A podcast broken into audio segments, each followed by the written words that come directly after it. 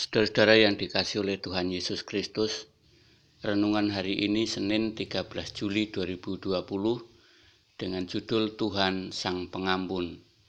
Bacaan dari Mazmur 103 ayat 3 sampai 5 dan Nats ayat yang ketiga yang demikian. Dia yang mengampuni segala kesalahanmu, yang menyembuhkan segala penyakitmu. Saudara, teramat banyak orang percaya demikian terpaku pada masalah, kesulitan, dan penderitaan yang dialami, sehingga mereka dengan mudahnya lupa dan tak pernah mengingat-ingat akan campur tangan Tuhan dalam hidupnya. Sekalipun sudah menjadi raja atau berkedudukan tinggi dan punya segala hal yang dibanggakan, Daud tak pernah melupakan perbuatan Tuhan.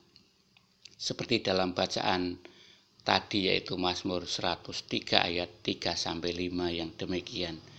Dia yang mengampuni segala kesalahanmu, yang menyembuhkan segala penyakitmu, dia yang menebus hidupmu dari lubang kubur, yang memahkutai engkau dengan kasih setia dan rahmat. Dia yang memuaskan hasatmu dengan kebaikan sehingga masa mudamu menjadi baru seperti pada burung Raja Wali. Saudara, meski kita sering kali ingkar terhadap Tuhan dan tidak setia melakukan kehendaknya, Tuhan menunjukkan kesetiaannya. Amin. Mari kita berdoa. Mampukan kami ya Tuhan untuk tidak melupakan perbuatanmu dan kesetiaanmu dalam hidup kami. Amin.